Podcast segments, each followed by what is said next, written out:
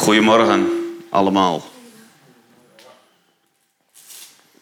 Goed om jullie weer te zien. Ik wil eh, een tekst met jullie lezen. En als het goed is, dan komt die ook op het scherm. En dat vinden we in het Bijbelboek Efeze, hoofdstuk 6, vers 12. En ik hoop dat jullie allemaal kunnen zeggen overbekend. Efeze 6, vers 12. En daar staat dus dit. Want wij hebben niet te worstelen tegen bloed en vlees, maar tegen de overheden, tegen de machten, tegen de wereldbeheersers van de duisternis, tegen de boze geesten in de hemelse gewesten. Wat een tekst, niet waar? Er staat nogal wat. Paulus schrijft hier nogal wat. En soms ben ik een heel klein beetje bang dat het in bepaalde gemeentes of groepen een ondergeschoven kindje is geworden. En ik hoop dat dat bij jullie niet zo is. Want, broeders en zusters, we moeten wel beseffen waar we mee te maken hebben. We zitten midden in een geestelijke strijd. En als je niet weet dat dat bestaat als kind van God, dan weet je ook niet wat je kan overkomen of wat je overkomt. En daar zou ik vanmorgen eens met jullie naar willen kijken. En het thema voor deze preek heb ik dan ook genoemd: geestelijke strijd is een realiteit. Het is gewoon een realiteit in het leven van een kind van God. Tijdens de Tweede Wereldoorlog deed een verhaal zich de ronde over een ontmoeting tussen Hitler, Mussolini en Churchill in 1940. Ze kwamen bij elkaar in Parijs bij een hele beroemde vijver die vol zat met karpers. En Hitler beweerde dat hij de oorlog al gewonnen had.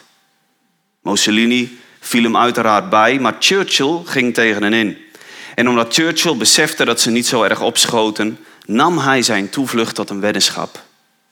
En hij zei tegen die twee anderen: Wie van ons het eerst een karper vangt zonder visgerij, die gaat de oorlog winnen. Meteen trok Hitler zijn revolver en schoot hem leeg, maar hij raakte geen vis. Mussolini sprong in het water en hij probeerde een karper te vangen met zijn blote handen, maar ook hij faalde. Churchill, hij deed iets zeer merkwaardigs. Hij pakte een lepel uit zijn jas. Ja, normaal gesproken heb ik die ook altijd bij me. Maar ik ben mijn jasje vergeten vanochtend. Maar Churchill, hij pakte een lepel uit zijn jas. Hij knielde neer bij de vijver. En hij begon water over zijn schouder te scheppen. Toen de twee anderen hem wat vreemd aankijken, zei hij: Het zal misschien lang duren, maar wij zullen winnen. En voor heel veel mensen heeft die Tweede Wereldoorlog natuurlijk veel te lang geduurd.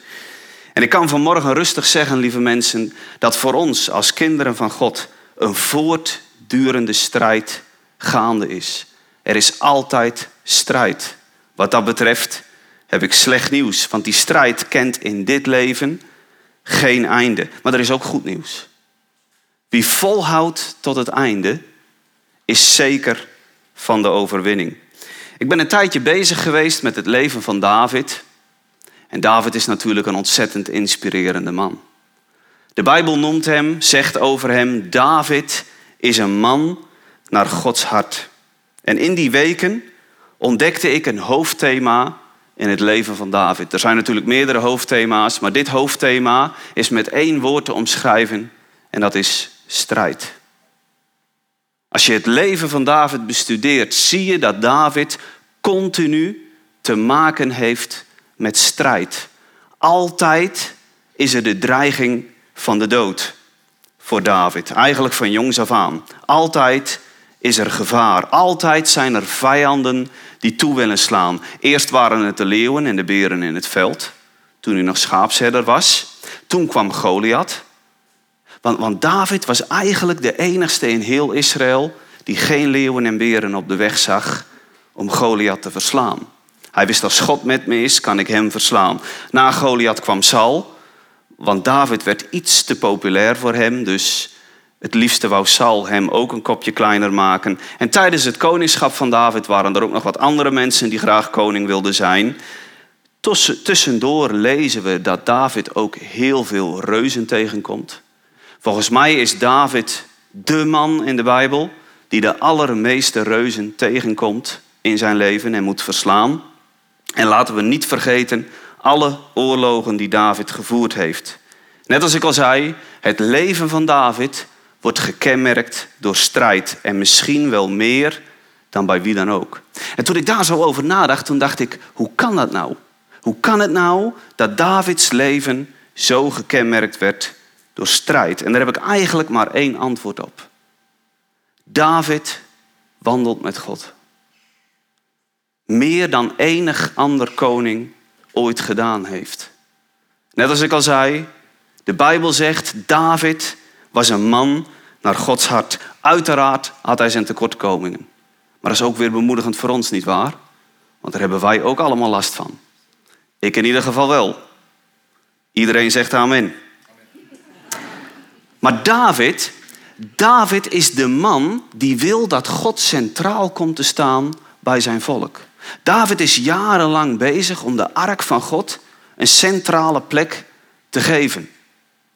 David wil de mensen bij God brengen en David wil ook God bij de mensen brengen.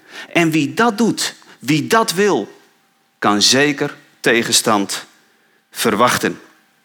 Als je met God leeft, als je met God wandelt, kan ik je verzekeren dat er tegenstand komt. Want er is een heerser van deze eeuw, de Satan, die dat absoluut niet wil. En hij zal zich verzetten tegen alles wat met God te maken heeft, tegen iedereen die iets met God wil doen. Er is een mooie tekst in de Bijbel. En die tekst die zegt, als God voor ons is, wie zal er dan tegen ons zijn? Er zijn ook van die prachtige opwekkingsliederen. En laatst zat ik in de auto en dat lied kwam voorbij op Grootnieuws Radio. Als God voor ons is, wie zal er dan tegen ons zijn? En eigenlijk dacht ik gelijk, dat kan ik wel invullen. Dat kan ik wel invullen. Want als God voor ons is, zal iedereen die dat niet is, tegen ons zijn. En ik begin eigenlijk steeds vaker om mij heen te zien dat kinderen van God tegengewerkt worden op deze wereld. Soms door degenen waarvan je het niet verwacht. Steeds vaker lees je verhalen waar je de conclusie uit kan halen: ja, er is godsdienstvrijheid. Zolang die godsdienst niets met Jezus Christus te maken heeft. Zolang is er godsdienstvrijheid. Als een hindoe of een moslim iets zegt waar hij het niet mee eens is, of ergens niet aan mee wil doen vanwege zijn geloof, dan is dat allemaal prima. Is niet erg. Maar als een christen zoiets doet, dan staat iedereen op. Als een christelijke leraar een Bijbel geeft aan een leerling op zijn school, wordt hij op staande voet ontslagen. In een christelijk land. Als wij met God wandelen, zal God zeker voor ons zijn. Amen. En als God met ons is, lieve mensen, zullen we zeker zijn van de overwinning. Vergeet het nooit. Nog een keer amen. Maar als God voor ons is, zal Satan zeker tegen ons zijn. Hij zal er alles aan doen om ons te laten stoppen om met God te wandelen. Wij moeten overtuigd zijn van Gods liefde voor ons. Toch? God houdt van ons. Daar moeten we van overtuigd zijn. We moeten ervan overtuigd zijn dat God graag met ons omgaat, graag met ons wandelt. Maar we moeten er net zo van overtuigd zijn dat Satan ons haat. En niets liever wil dan dat hij ons tegenwerkt. Openbaringen 12, vers 10 noemt hem de aanklager van de broeders, die hen dag en nacht aanklaagt. Hij doet niet anders. Het is zijn taak. Het is zijn levensmissie om ons te dwarsbomen. Net als dat Jezus voor Gods troon staat om dag en nacht voor ons te pleiten. En dat hebben we nodig.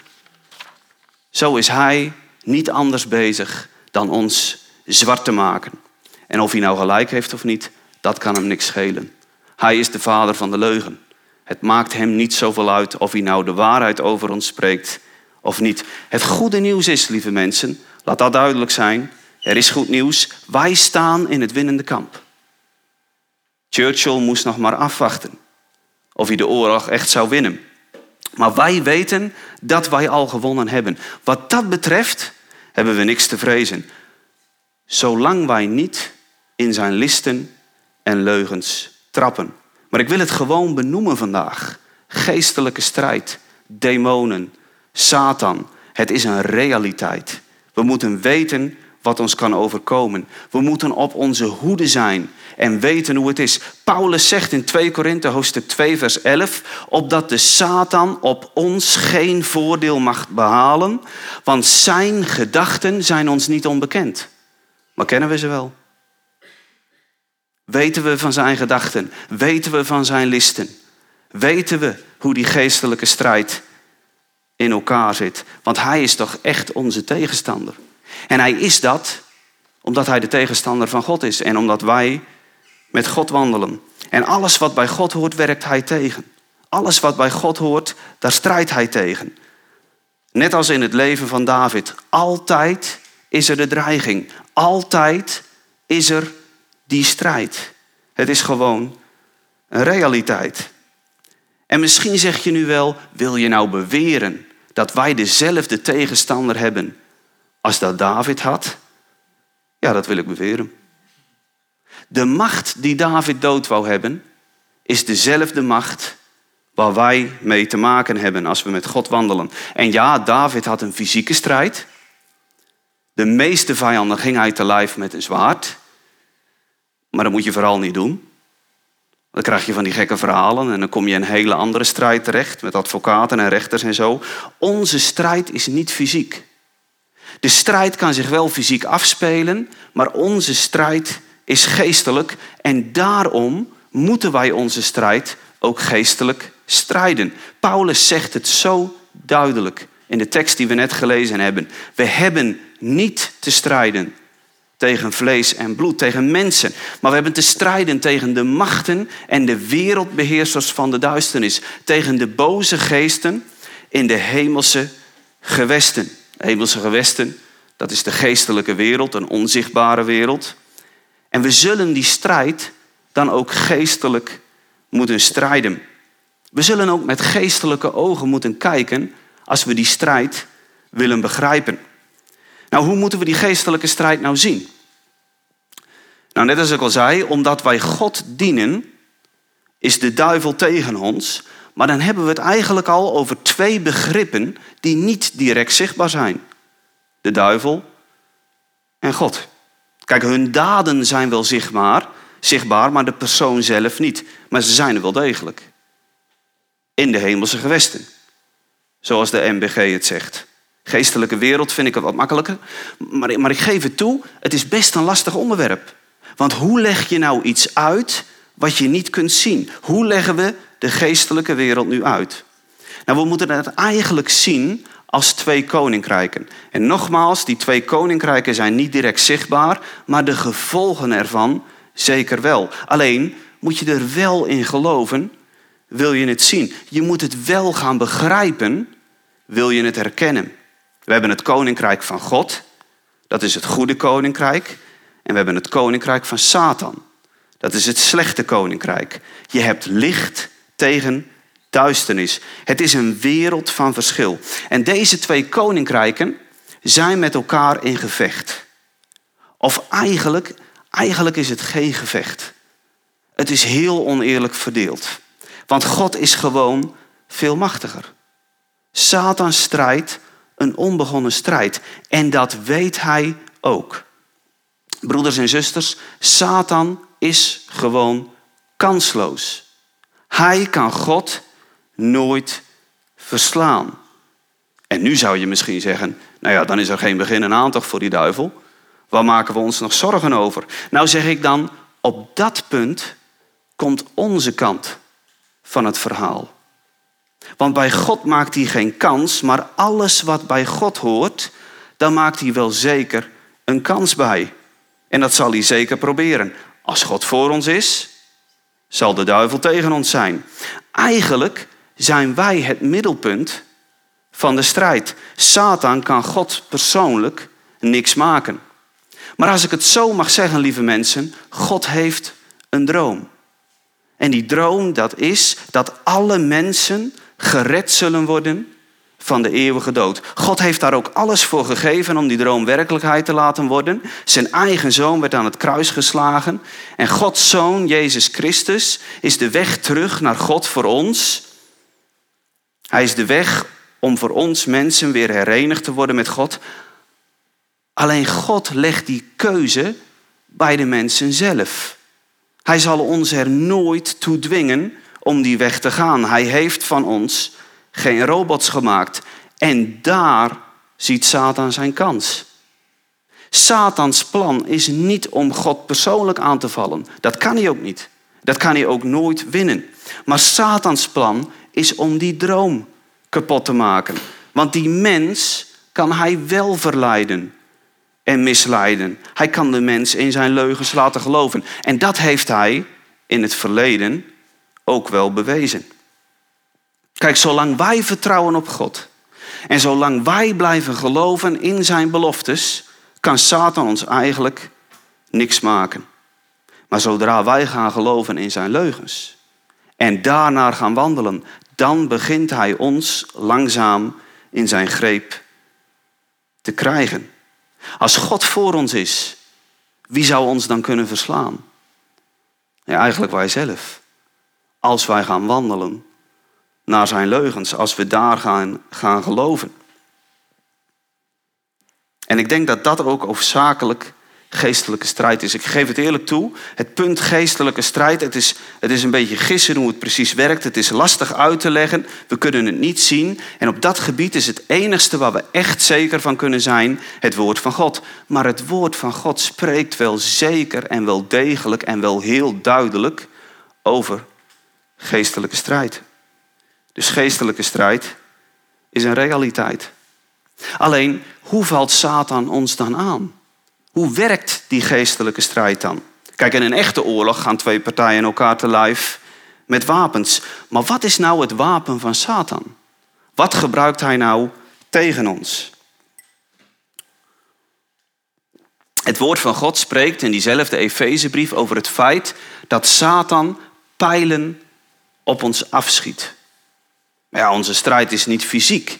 Dus hoe moeten we dat dan zien? Worden er echte pijlen op ons afgeschoten? De strijd is geestelijk. Maar waar zou geestelijke strijd zich nou het meeste afspelen? In je denken. Geestelijke strijd speelt zich voornamelijk hier af. Je denken is een machtig en krachtig instrument.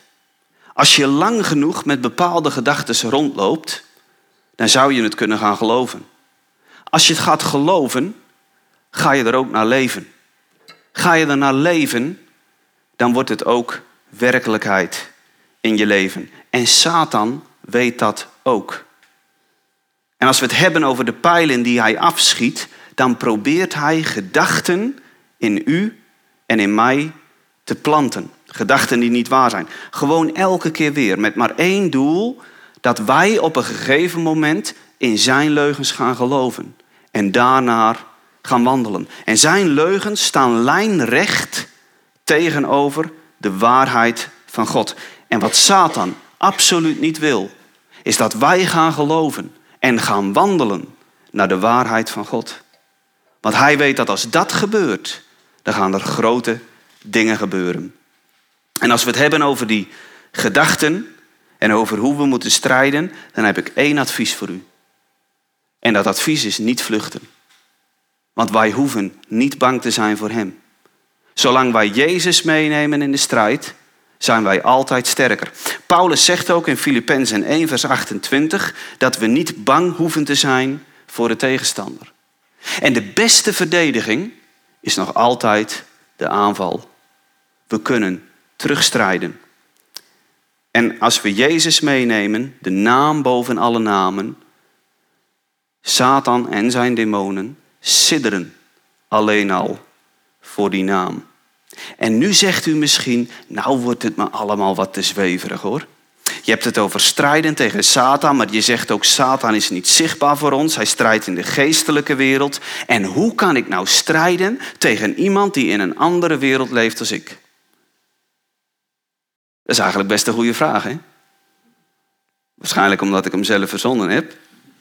Maar het antwoord, het antwoord is niet heel moeilijk. Het begrijpen ervan misschien wel. Maar toen we tot geloof kwamen, hebben ook wij een plek in de geestelijke wereld gekregen. Efeze hoofdstuk 2, vers 6. Hij heeft ons samen met Hem een plaats gegeven in de geestelijke wereld in Christus. We werden geestelijke mensen toen we Jezus Christus aanvaarden en toelieten in ons leven. Toen wij deel kregen aan die droom van God. Ook wij nemen deel aan die onzichtbare wereld. Dus we kunnen zeker strijden. En ik denk dat gebed daarin nog het grootste wapen is. Het Bijbelboek Daniel maakt heel duidelijk dat zodra Daniel gaat bidden, dat er een geestelijke strijd loskwam. Daniel bad God hoorde het en hij zond een engel met antwoord naar Daniel toe. Maar die engel werd tegengehouden door een engel van de Satan. En zo ontstond er in de geestelijke wereld beweging door iets wat gebeurde hier in onze fysieke wereld. Door iets wat Daniel deed, wat u en ik elk moment van de dag kunnen doen. Gewoon bidden. En als de geestelijke strijd in beweging komt, dan komt er verandering in onze fysieke wereld. En zo komt er ook weer beweging in de geestelijke wereld. En zo, broeders en zusters, nemen wij deel aan die geestelijke strijd. Maar dat betekent ook dat wij dan ook midden in die strijd komen. De duistere kant van de geestelijke wereld zal er alles aan doen om ons tegen te houden als we dingen voor God gaan doen. Maar we moeten zeker niet schromen om terug te strijden. Ik denk dat een van de meest gebruikte pijlen van Satan de pijl van twijfel is. Hij wil dat wij gaan twijfelen aan de liefde van God, aan de kracht van God, aan alles wat God wil doen in ons midden. En Satan zal zo af en toe die pijl op ons afschieten. Hij schiet de pijl op ons af. Zou God nou echt wel van mij houden? Zou God mij echt liefhebben? En dan denk je misschien, nu zal ik eens eventjes terugstrijden. Ja, Satan, God houdt van mij. Hij houdt zoveel van mij dat hij zelfs zijn eigen zoon gaf daarvoor. En dan denk je dat het klaar is. Maar geestelijke strijd is nooit klaar. Dan komt hij met zijn volgende pijl. Jij denkt wel dat God van je houdt. Maar er zijn nog wat dingen in je leven die niet helemaal stroven met dat wat hij zegt. Zou God nou echt wel van je houden? En bij die tweede pijl kan de twijfel toeslaan. Bij jou of bij mij. Zou het echt zo zijn? Zou het evangelie ook echt voor mij bedoeld zijn? Zou Jezus zijn leven nou echt gegeven hebben voor mij aan het kruis? Ben ik het dat waard? En de twijfel slaat toe. En Satan krijgt een beetje terrein in je leven. Twijfel in God is van Satan. Geen twijfel over mogelijk. Twijfel is het tegenovergestelde van geloof. En lieve mensen, vergeet het niet. Geloof is een machtig wapen. En dat weet Satan ook. Als wij ons geloof in God gaan activeren, gaan er grote dingen gebeuren. Maar dan moeten we ons daar natuurlijk wel naar uitstrekken. En dat wil Satan niet. Alles wat van God is, houdt hij het liefst klein. Dus begint hij twijfel te zaaien. Satan zal zo af en toe de pijl van twijfel in u en in mijn gedachten schieten. Hij is erop uit om ons uiteindelijk te vernietigen en klein te houden. En er is nog iets waar Satan een grote hekel aan heeft en waar hij altijd een stokje voor zal steken. En dat is mensen die op de plaats gaan staan waar God ze bedoeld heeft. Dat wil hij niet. Ik geloof dat God met een ieder van ons een plan heeft. God heeft met een ieder van u een plan. God heeft voor een ieder van u een bediening. En of dat nou koffie schenken is, of oudste zijn, of op de kinderen passen, de muziek doen. Het maakt me niks uit. Ik zal ook geen één bediening boven de andere plaatsen. Maar God heeft met ieder van u een plan. En ik ben ervan overtuigd dat Satan er alles aan zal doen om u daar niet te laten komen. Dus als er een gebied is in uw leven waar u de meeste geestelijke strijd ervaart, dan is dat zeer waarschijnlijk waar God u wil hebben. Want Hij wil je er niet hebben. Dus daar moet je altijd alert op zijn. Als jij ervaart dat er iets is, dat er een gebied is, misschien wat je steeds in wilt bewegen, wat je steeds aan wilt beginnen en steeds ervaar je die strijd, dan is dat wat God jou wil hebben. En dan is het de Satan die jou tegen probeert te houden. Ik ervaar persoonlijk altijd de meeste strijd rondom het spreken. Altijd. En er komen negatieve gedachten binnen. Is dit nou echt wel je ding? Ik zou eens echt werk gaan doen. Hou eens op, man. Wat heb je weer een onzin op papier gezet? Het is ook helemaal niet duidelijk. Joh, ik zou stoppen. En er zijn momenten geweest, broeders en zusters, dat ik een dienst in kwam lopen en dat ik bij mezelf dacht, wat moet ik hier? Wegwezen hier. Laat alles achter. Maar als ik dat zou doen, dan heeft hij gewonnen.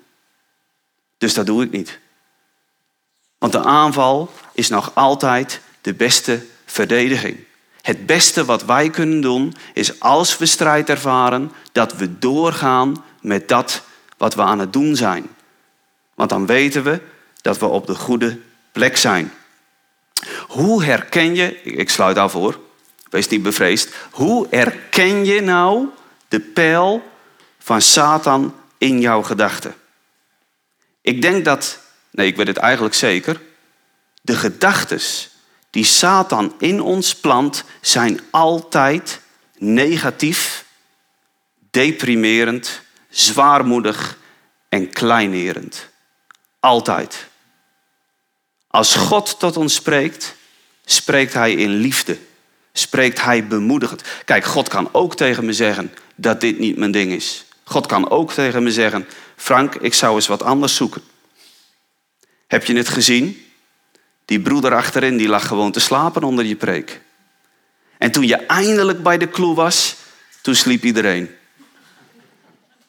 Nou kan ik dan natuurlijk nog inbrengen, ja maar Heer, u zegt zelf in uw woord, ik geef het mijn beminden in hun slaap en die kans heb ik u gegeven. Maar ik denk niet dat God zo tot ons komt. Ik denk dat God altijd liefdevol en bemoedigend spreekt. En broeders en zusters, laten we alert zijn op die negatieve gedachten. Laten we alert zijn op die gedachten die ons kleineren, die ons depressief maken. Want ik geloof dat dat de pijlen van Satan zijn die hij op ons afschiet. En we moeten ons heel bewust zijn, broeders en zusters, van het feit, we bevinden ons midden in een geestelijke strijd. En ik vind dat dat zo af en toe gepreekt moet worden. En daarom heb ik dat ook gedaan vanmorgen. Dus ga ermee aan de slag. Wees er alert op. Wees er je van bewust dat je een tegenstander hebt die het liefste wil dat je stopt om God te dienen. Dat je in ieder geval stopt met de grote dingen van de Heer. Maar ik zou zeggen, ga vooral door. Ik zeg amen. Met één kanttekening. Als dit een realiteit is in je leven. Als je ervaart, ik heb geestelijke strijd en ik weet er niet goed mee om te gaan. Kom dan straks bij het gebedsteam, bij een van de oudsten. Je mag ook naar mij toe komen, maar praat erover door. Vraag advies, vraag gebed. Amen.